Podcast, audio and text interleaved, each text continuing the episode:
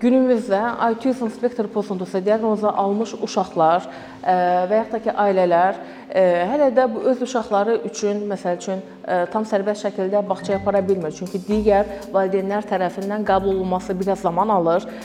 Çünki bəzi miflər var, yanlış inanclar var ki, öz aktuallığını hələ də qoruyub saxlayır.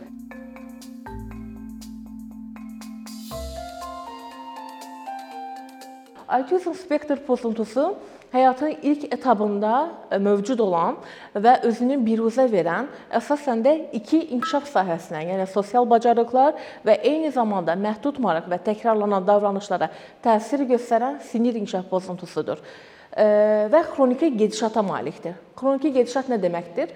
Fərdə təsir müddəti uzun müddətlidir. Yəni elə bir etap yoxdur ki, bu etapdan sonra gedəcək, silinəcək və s. E, bu Buna görə də günümüzdə autizm spektr pozuntusu bir fərqlilikdir. Bir e, demək ki, xəstəlik kimi sayılmır. Və e, autizm spektr pozuntusu yeni təsnifata əsasən hansı şəkildə qoyulur? Diaqnostika. Demək ki, biz az öncə dedik ki, iki spektra təsir göstərir. Sosial bacarıqlara, bunlara ünsiyyət və münasibətin məhdudluğudur, yəni ünsiyyət və qarşılıqlı əlaqənin məhdudluğu. İkinci qrupa təkrarlanan davranış və məhdud maraqlardır. Birinci qrupa daxil olan 3 simptom var. Yəni bir uşaq hansı simptomlara malik olmalıdır ki, e, autizm spektr pozuntusu diaqnozunu alsın? Birincisi, sosio-emosional məhdudluğun olması, nonverbal ünsiyyətdə məhdudluğun olması, həmyaşıdlarla münasibət və ünsiyyətə başlamaqda və yaxud da ki, davam etdirməkdə çətinliyin olmasıdır. İkinci qrupa daxil olan təkrarlanan davranış və məhdud maraqlardan təkrarlanan davranışın, təkrarlanan oyunun, təkrarlanan nitqə malik olması, rutinlərə bağlı qalması və onların dəyişkənliyini tolerə eləyə bilməməsi, yəni dözümsüz olması, məhdud maraqlarının olması, artmış və ya da azalmış emosional maraq və ya da ki, reaksiyalar, yəni hər hansı bir hadisə qarşısına ya ümumiyyətlə reaksiya vermir, ya da adaptativ reaksiya vermir, yəni həddindən artıq reaksiya verir. Yəni qısası, bir uşağın bu diaqnoza sahib ola bilməsi üçün A qrupa, yəni sosial ünsiyyət və münasibət məhdudluq qrupuna daxil olan 3 simptoma və B qrupuna təkrarlanan davranış və məhdud maraqlardan minimum bir simptoma malik olmalıdır. Yəni biz burada bütün simptomları axtarmırıq. Burada minimum 1, digərində isə 3 simptom. Sual oluna bilər ki, bəli, mənim övladımda bu diaqnoz təsdiq olunubdu, amma B qrupuna daxil olan heç bir simptomu yoxdur. Bu zaman biz onda e, sol işarəsi altına alır, almalıyıq bu diaqnozu. Çünki e, bir uşaqda ASP üçün iki qrupdan da simptomlar olmalıdır. Amma A qrupuna 3 simptom e, tamamilə özünü göstərməlidir. Ümumiyyətlə beynəlxalq klassifikasiyada ümumiyyətlə iki mənbədən istifadə olunur. Birinci Amerika Psixiatra Assosiasiyası tərəfindən təsdiqlənmiş e, mental ümumiyyətlə psixi pozuntuların diaqnostik və statistik əl kitabı DSM-5 2013-cü ilin nəşridir. Digəri isə ICD bu Avropa Psixiatriya Assosiasiyası tərəfindən qurulmuş mental pozuntular və xəstəliklərin beynəlxalq statistik klassifikasiya kitabıdır ki, 2015-ci ildə yenidən çıxıbdır. Bu ICD 11-dir. Yəni bu iki versiyadan istifadə olunur mənbə kimi. Bu iki versiyada fərqlər var, amma çox da elə də çox deyil. Ancaq bunların arasında ən çox istifadə olunan DSM-5-dir. Və biz DSM-5-ə əsasən e, diaqnostikanı aparıb bu üzrə danışacağıq. Bildiyimiz kimi DSM-4-dən DSM-5-ə keçid 2013-cü ildə olubdu. E, eyni zamanda bu keçiddə ən böyük e, dəyişiklik ilə autizm spektr pozuntusu üzrə oldu. 2000 demək ki 2013-cü ilə qədər DSM-4-dən autizm sindromu geniş yayılmış inkişaf pozuntuları diaqnozunun altında idi. Bu zaman autizm sindromu, Asperger sindromu, sindromu, uşaqlığın dezinteqrativ pozuntusu, Rett sindromu, bir də geniş yayılmış inkişaf pozuntusu, yəni digər adla adlandırılmayan non-spesifik geniş yayılmış inkişaf pozuntusu adı altında birləşdirilirdi. Amma e, nə üçün keçid oldu? Burada 2012-ci ildə belə bir təcrübə oldu Amerikada. 100 diaqnozunu almış şəxs fərdi 13 müxtəlif bir psixi klinikada yenidən onları apardılar, göndərdilər diaqnostikasını etməyə və statistikasını çıxartmağa və artıq görüldü ki, bir klinikanın verdiyi nəticə ilə digər klinikanın verdiyi nəticə arasında fərq var. Diaqnozlar arasında fərq var. Yəni əsasən də autizm sindromu, Asperger sindromu və uşaqlığın dezinteqrativ pozuntusu diaqnozları arasında faiz, yəni böyük ölçüdə 60-dan 40%-ə qədər e, fərqlilik var idi. Sual olunurdu ki, işində bu qədər professional olan mütəxəssislər nə üçün diaqnostikada bu qədər səhvliklər eləyə bilər? Əslində onların malik DSM-4-də geniş yayılmış inkişaf pozuntusu özü 3 e, demək ki, simptomlar, 3 qrup simptomlar toplusuna görə ayrılırdı. Bu nitq demək ki, demək ünsiyyətdə ünsiyyət bacarıqlarına, qarşılıqlı əlaqə münasibət bacarıqlarına, bir də məhdud maraq təkrarlanan davranış bacarıqlarına görə bölünürdü. Amma daha sonra bunların arasındakı simptomların oxşar olunduğunu müəyyən olundu və onları autizm spektr pozuntusu çətininin altına alındı. Sadəcə burdan Rett sindromu çıxarıldı. Bu da genetik bir xəstəlikdir. Komorbid kimi autizm spektr pozuntusu ilə birgə müşahidə oluna bilər. DSM-4-də autizm spektr pozuntusunda tipik atipik şəklində bölünürdü. Yəni Ancaq e, DSM-5-də e, autizm spektr pozuntusu və onun komorbid versiyaları. Komorbid versiya nə deməkdir? Autizm spektr pozuntusu ilə birgə müşahidə oluna bilən digər e, demək ki, sinir inkişaf pozuntuları, psixi pozuntular. Bunlara ən çox eşlik eləyən, yəni yanaşı müşahidə olunan diqqət əksikliyi, hiperaktivlik pozuntusudur, əqli zəka geriliyidir, nitq ləngiməsidir, adaptasiya problemləridir, motor problemlərdir, OKB-dir, depressiya, təşviş pozuntusu və s. kimi e, e, yəni birgə müşahidə oluna bilər. Yəni biz autizm spektr pozuntusu və yaxud da ki, autizm spektr pozuntusu və onun komorbid e, versiyaları haqqında e, burada bilgiləndik. Ümumiyyətlə autizm spektr pozuntusunun günümüzdə rast gəlmə tezliyi 2010-cu ildə statistika aparıldı və qeyd olundu ki, 68 uşaqdan birində, bu da Amerikada müşahidə olundu, amma 2014-də isə 59 nəfərdən birindədir. Azərbaycanda bunun rəsmi e, statistik göstəricisi yoxdur. Yəni araşdırma verən, məlumat verən yoxdur. Amma Türkiyənin açıqladığı məlumata əsasən 45 uşaqdan birində rast gəlinir. Bu birbaşa e, həmin ölkələrin sosio-ekonomik e, dəyərlərinə görə də müəyyən olunur. Ümumiyyətlə rast gəlmə tezliyi oğlanlardan demək ki, qızlara 4 dəfədən artıq daha çox rast gəlinir. Bu birbaşa kişi cinsi hormonu testosteron hormonuna əlaqəlidir. Belə ki, testosteron hormonu həm göz kontaktını, həm demək ki, lüğətdə söz ehtiyatının eyni zamanda diqqəti azaldan bir hormon kimi ifadə olunur. Ümumiyyətlə son günlərdə bu diaqnozun artma səbəbləri bir neçə hallarla müşahidə, yəni izah olunur. Birincisi nədir? Son 20 ilə nəzərən autizm spektr pozuntusu haqqında daha çox məlumat əldə edə bilməyimizdir və eyni zamanda daha çox çünki daha çox araşdırılıb və kliniki kriteriyalar üzrə, diaqnostik kriteriyalar üzrə daha çox dəyişiklik olunub. Eyni zamanda skrininq vasitələri, həm də ki, diaqnostik vasitələri demək ki, təkmilləşib və insanlara əlçatan olubdur. Və digər bir digəri isə insanlar arasında daha çox demək ki, məlumatlı olanlar var. Yəni əslində biz baxanda 20 ilə qədər autizm adını eşidən cəmiyyətimizdə o qədər də adam yox idisə, indi hər bir ana təşviş içərisindədir və rutin kontrollara aparır ki, övladını inkişaf inkişafını dəyərləndirmək olsun, yanaşı gedən hər hansısa bir sinir inkişaf pozuntusu varmı, yoxmu, onu bilmək üçün. Çünki autizm sözündən xəbərdardır. Bir digəri isə ətraf mühit, çevrə faktorlarının dəyişməsidir və ən əsası valideynlik yaşının artması da müşahidə olunur. Belə ki, ümumi götürsək, bizə günümüzdə məlum olan səbəblərdən, yəni artma, diaqnozun artma səbəbinin 50% hələ məlum deyil statistikada 25%-i diaqnostik vasitələrin təkmilləşməsidir. 15%-i insanların daha çox məlumatlanması, 10% isə irəli yaş valideynliklə izah olunur. Burada valideynlik yaşının demək ki, bu diaqnozla birbaşa əlaqəsi haqqında bir statistik araşdırma oldu. Qeyd olunur ki, 1970-ci ildən etibarən kişilərdə ata olma yaşı artıb. Bunun əsas səbəbi də sosio-ekonomik səbəblərdir. Belə statistik göstəricidə ataların, ümumiyyətlə kişilərin ata olma yaşı 10% azalması ASP diaqnozunun 26% azalmasına səbəb olur. Amma anaların, qadınlarda ana olma yaşı 10% artması bu diaqnozun 18% artmasına səbəb olur. Bu da ki, cinsi hüceyrələrdə xromosom keyfiyyətinə görədir.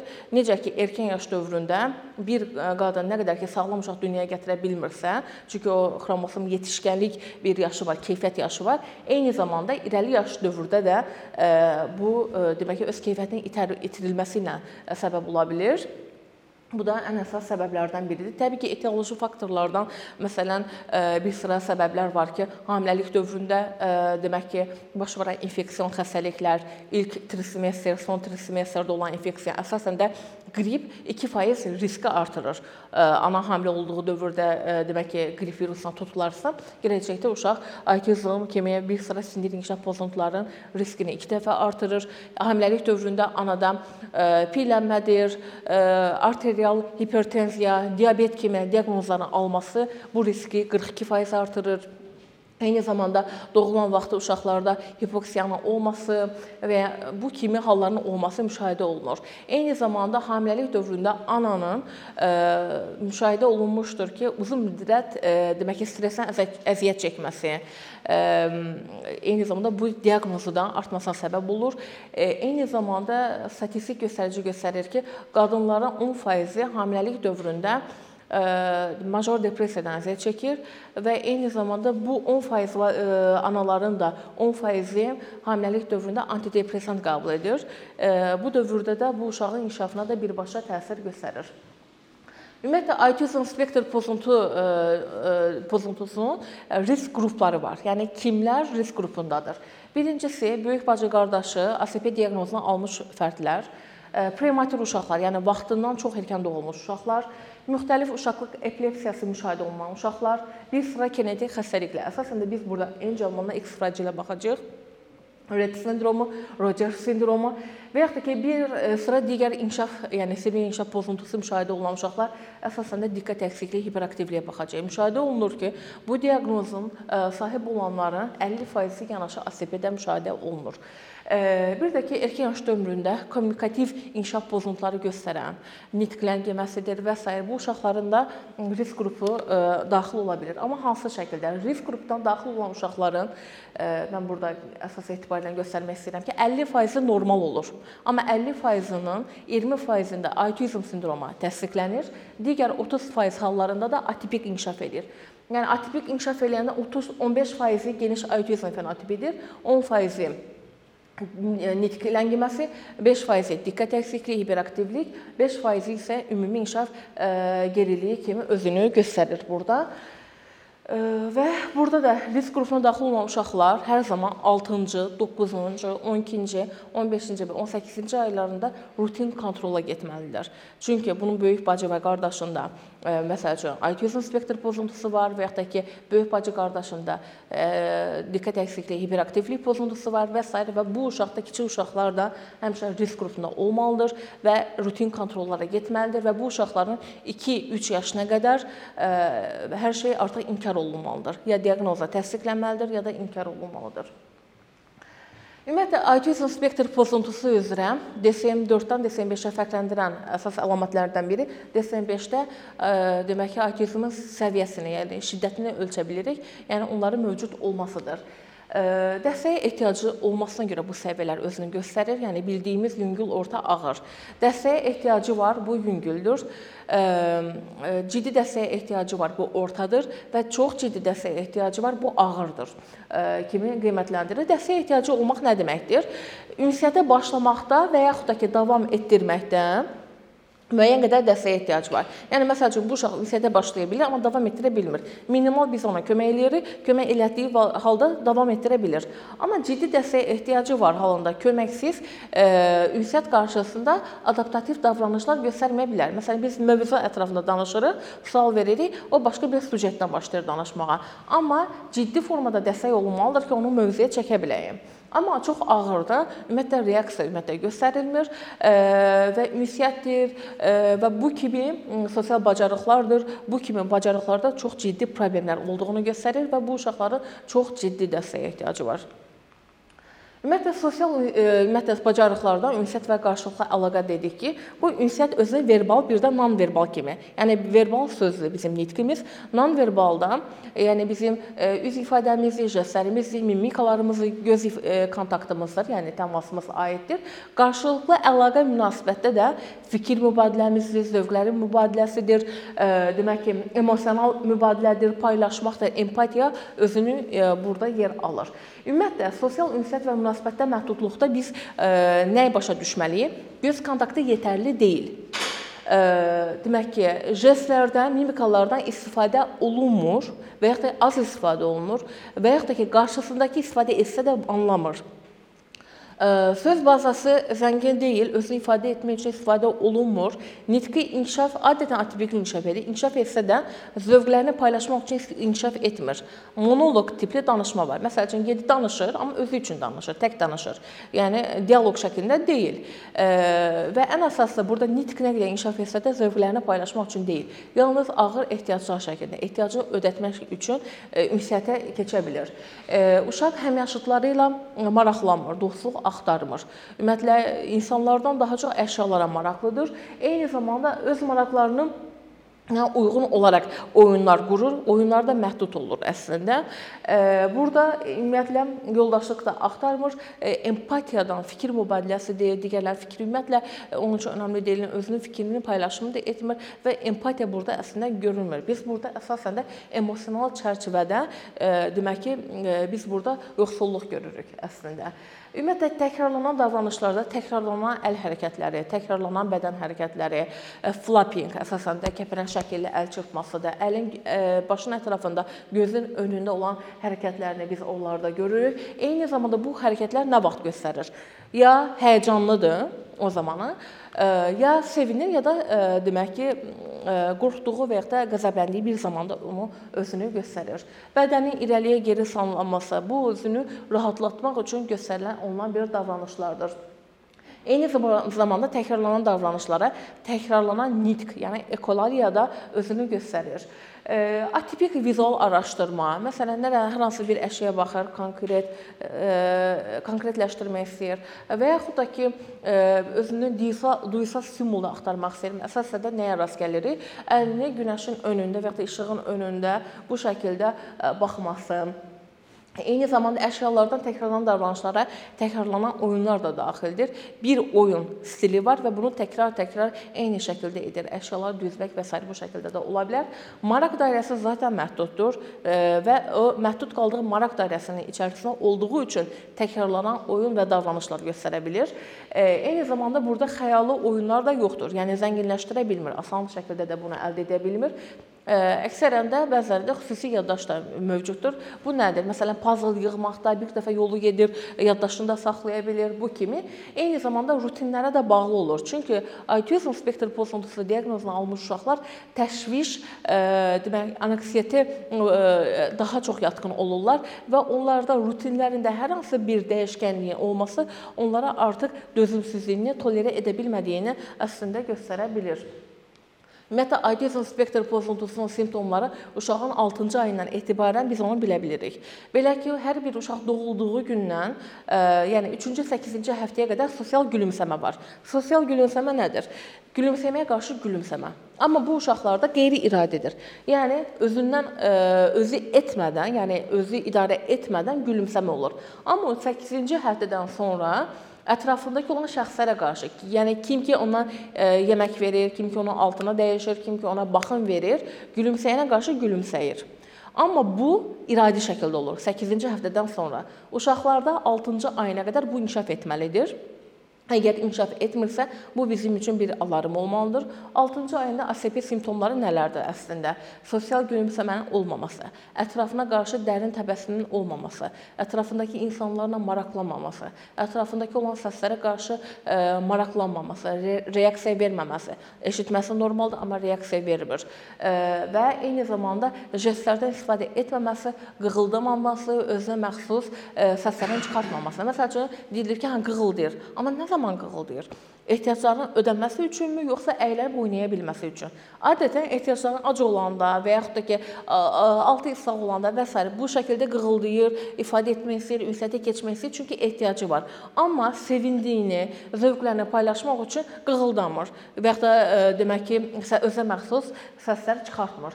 9-cu ayda nədir? 9-cu ayda da 6-cı ayda sadaladığımız simptomlardan əlavə ümumiyyətlə əsasən də ünsiyyətdə nonverbal nitqinin, göz kontaktının, adına reaksiyanın olmaması, eyni zamanda e, barmaqla işarə elə et, etməsi, e, bu kimi əl hərəkətləri, sağollaşması, əlini verib salamlaşması, insanlarla ünsiyyətə e, keçmək istəməməsi, dərin təbəssümünün olmaması.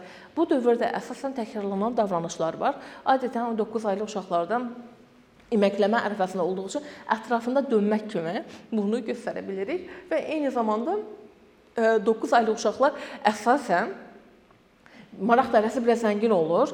E, maraq dairəsi nə qədər zəngin olsa da, məsələn, böyük bir hissənin kiçik bir hissəsi ilə oynayır. Məsələn, maşının təkəri ilə oynayır və bu uzun müddət davam eləyir. E, bu şəkildə göstərir. Ümumilikdə demək ki, erkən yaş dövründə anaları narahat edən simptomlar var ki, hamı ümumi bir dillə deyir ki, övladım mən erkən yaş dövründə elə bilirdim ki, eşitmə əngəllisidir, kardır, eşitmir. Yəni bu kimi simptomları var. Deyir ki, üz ifadələrindən istifadə edə bilmir, emosional emosiyalardan istifadə edə bilmir, başa düşmür, tək başına oyun oynayır, digərlərinə sosiallaşa bilmir, dostlaşa bilmir. Sallanma, dönmə kimi təkrarlanan davranışları var. Rutinlərə çox bağlı bağlıdır. Ekolaliya, e, yəni söz və cümlələrin təkrar etməsi var. Oyuncaqlardan e, məqsədlərinə uyğun istifadə eləmir. Məsələn, bir oyuncağın məqsədi, e, funksiyası başqadırsa, məsələn, bu fırlama üçün daha çox istifadə edir. Yəni fırlanan əşyadır, fırlanan, e, yəni fırlanan əşyadan əlavə bir əşya ki, fırlamaq üçün uyğun deyil, amma o çalışır ki, onu fırlatsın. Bizim indi erkən müdaxilədən biz danışacağıq. Təbii ki, bizim ən və biz burada neuroplastikliyə toxunacağıq. Belə ki, biz autizm spektr pozuntusu, ümumiyyətlə sinir inkişafı pozuntularından biz əgər danışırıqsa, biz erkən müdaxilənin vacibliyindən mütləq şəkildə danışmalıyıq. Belə ki, neuroplastiklik nədir? Neuroplastiklik beynin ətraf mühitlə və fərdin qazandığı təcrübələrə uyğun olaraq əlaqələrini yenidən formalaşdıra bilmək bacarığıdır və intensivlik yaşına əlaqəlidir. Bunu izahını eləyəcəyik. Məsələn, 50 yaşında bir şəxs toxumağı öyrənə bilərmi? Təbii ki, öyrənə bilər. E, çünki insan doğulduğu gündən e, demək ki, ölənə qədər beyin hüceyrələri daim aktivdir, işləyir, intensivliyi fərqlidir və buna görə biz əgər intellektual səviyyəmiz və s. normadadırsa, istənilən bacarığı əldə edə bilərik. Amma əldə etmə şəklimiz tamamilə fərqlidir. Amma 30 yaşında şəxs 50 yaşında şəxsdən daha erkən öyrənə bilər toxumağı və yaxud da ki, bir hər hansı bir xarici dili öyrənməyə velosiped sürməkdir. Yəni istənilən bacarığı əldə etməyi erkən yaş dövründə daha yaxşıdır. Belə ki, bizim beynimiz sinir hüceyrələri e, neyronlardan ibarətdir ki, e, məlumat impulslar şəklində bir neyrondan digər neyrona ötürülür və neyrondan neyrona ötürülməsi sinapslar şəklində baş verir. E, ümumiyyətlə bu sinapslar olmalıdır ki, məlumat daha aktiv formada ötürülə bilsin. Eyni zamanda məsələn biz danışırıq, E, e, biz eyni zamanda məsələn biz həm göz kontaktı qururuq, həm də siz mənim səsimi eşidirsiniz. Səsimizi eşitdiyimiz zamana e, demək ki, eşitmə sinir hüceyrələri ilə demək ki, görmə sinir hüceyrələri informasiyaları götürür, xüsusi mərkəzlərinə aparır və onlar arasında əlaqə saxlayaraq məlumat tamamlanır. Siz mənə həm görərək, həm üz ifadəmi və s. beyninizdə tamamlayırsınız. Bu neyronlar eyni zamanda demək ki, mərkəzlər arasındakı funksiyalar funksiyaların bərabər bərabərləşməsi birgə fəaliyyəti nəticəsində meydana çıxır. Ancaq təsəvvür edin ki, autizm spektr pozuntusunda müəyyən mərkəzlər və sinir hüceyrələri arasında o sinapslar yoxdur və məlumat ötürülə bilmir tamlığını qoruya bilmir. Ona görə də məsələn görsəl informasiyanı, eşitsəl informasiya öz tamlığını qoruya bilmir və müəyyən yerlərdə bu kimi demək ki, problemlər meydana çıxır. Amma erkən müdaxilə nə deyir? Erkən müdaxilə nə qədər ki, erkən yaşda sinapslar arasındakı bu patologiyasına olmasına baxmayaraq, bu müdaxilə ilə yeni təcrübə qazanaraq o alternativ neyron hüceyrələri qazana bilərik. Məsələn, 3 yaşına qədər məsələn bir uşaq bir bacarığı bilmir. Amma biz onu maraq dərəsinə girərək və s. təcrübə qazandıraraq o bacarıq əldə olunur. Demək ki, alternativ bir neyronlar arasında sinaps qurula bilibdir. Bunu tamlığını qoruya bilməsək də qurulubdur. Və bu birbaşa neuroplastikliklə, yəni beynin daha çox plastik olmasına əlaqəlidir. Necə ki, 50 yaşında bir şəxs bu bacarığı, məsələn, xarici dili öyrənməyi 2 il öyrənə bilirsə, 30 yaşında şəxs 1 ilə öyrənə bilər, 14 yaşında olan şəxs 6 ay öyrənə bilər. Yəni yaş azaldıqca öyrənmə tezliyimiz daha çox artır. Bu da beynin plastikliyi ilə əlaqəlidir. Eyni zamanda erkən müdaxilə neuroplastikliklə ölçüldüyü halda müəyyən oldu ki, 3 yaşa qədər öz aktuallığını qoruyur və 3 yaşa qədər erkən müdaxilə etdikdə biz nəyə qazanırıq? Autizm spektr pozuntusunu simptomlarını Demək ki, biz ə, zəiflədə bilirik, düzdür, silibdən danışmırıq, zəifləyir. İkinci olaraq alternativ ünsiyyət bacarıqları inkişaf olunur. Üç, dördüncü, üçüncü olaraq da qavrama bacarıqları artır və dördüncü olaraq da ə, qazanılmış bacarıqlar uzun müddətli olaraq demək ki, əldə olunur. Eyni zamanda autizm spektr pozuntusunda biz sosial motivasiya hipotezindən danışacağıq ki, belə ki, uşaqların məhdud maraqları olduğu üçün dərin təcrübələr qazana bilmir. Bu məhdud maraqların olması sosial marağın azalmasına və bu da sosial təcrübənin azalması ilə ə, e, sosial öyrənmə, yəni qavrama imkanlarının azalması və yekunda sosial məlumatları işləyən beyin funksionalların ə, mərkəzlərin fəaliyyətlərinin məhdudlaşması ilə nəticələnir. Biz erkən müdaxilə edərək uşağın sosial marağının azalmasını artırmalıyıq ki, daha çox təcrübə qazana bilsin. Bu da öyrənmə ilə əlaqəlidir və bu yekunda həmin beyin mərkəzlərinin fəaliyyətinin artması ilə ə, e, birgə əlaqəlidir. Eyni zamanda bir uşaq, yəni tipik bir uşaq sosial öyrənməsinə görə, öz-özünə öyrənə bilməsinə görə, ortaq diqqətini formalaşdırmasına görə, təqlidi bacarıqlarını inkişaf etdirməsinə görə, zamana görə əldə etdiyi bacarıqları normaldır. Yəni bu göy xəttə olan normal inkişaf göstərən uşağın bacarığıdır. Yəni zamana görə bacarıqları artır, düz mütənasibdir. Amma autizm spektr pozuntusu ilə gedən inkişaf bu yaşıl xətt kimi, ox kimi zamana görə əldə olunmuş bacarıqların sayı azalır. Niyə? Çünki ortaq təqlid yoxdur, e, yəni ortaq diqqət yoxdur, təqlidi bacarıqları yoxdur və bu uşaqlarda e, öz-özünə və sosial öyrənmə ilə bacarıq əldə edə bilmir. Erkən müdaxilə amma göstərir ki, biz bu uşağa kömək etməklə bacarıqlarını zamana görə artıra bilirik. Belə ki, düzdür. Uşağın bacarığını normal inkişaf edən uşağın bacarığına üst-üstə düşməyəcək, ancaq özü müstəqil şəkildə ə, e, xaricdən ehtiyacı olan ə, e, demək ki, ə, yardımın miqdarını azaltması azaltması ilə müşahidə olunacaqdır. Ümumiyyətlə günümüzdə autizmda bəzi miflər var ki, biz bunları ümumiyyətlə e, yox etməliyik beynimizdə. Birincisi autizm xəstəlik deyil, ikincisi müvəqqəti deyil. Bayaqlam dediyimiz kimi xroniki gedişata malikdir. Düzdür, günümüzdə autizm spektr pozuntusunun e, zəiflədim, yəni çox görünməz halda zəifləməsi müşahidə oluna bilər. Bu kimlərdə var? erkən diaqnostika almış, erkən müdaxilə almış uşaqlarda, sosial-ekonomik düzəni yaxşı olan ailələrdə, eyni zamanda ki, e, ASP-nin şiddəti yüngül olsa əgər, e, bu görünməz halda e, demək ki, yox ola bilər. Autizm yoluxucu deyil, autizma peyvəndlər səbəb olmur, autizma valideynlik tərzi səbəb olmur. Yəni səxlakar valideynlər ekranın qabağında qaldı, uşaq autizm diaqnozunu aldı. Belə bir fikir yoxdur. Bir də autizm yetkinlik dövründə itmir. Yekun olaraq ə, mən sizə bildirmək istəyirəm ki, autizm spektr pozuntusu diaqnozunu gözləmək deyil, ə, əgər şübhəniz var ki, uşağın inkişafında problem var, siz artıq diaqnozun təsdiqləməsi düzdür. Müəyyən qədər zaman ala bilər. Siz vaxt itirmədən erkən müdaxiləni aparmalısınız. Çünki uşağın itirdiyi hər dəqiqə uşağın bacarıqlarının əksilməsi ilə müşahidə olunur ki, bu bəzən geriyə bərpa olunmur. Bu zaman diaqnozun təsdiqlənməsini gözləmək deyil, müdaxiləyə başlamaq lazımdır. Bu bizim rəsmi səhifənin QR kodudur. İstəsəniz onu demək ki, çəkə bilərsiniz. Ümumiyyətlə diqqətiniz üçün təşəkkür edirəm. Minnətdaram. Çox sağ olun.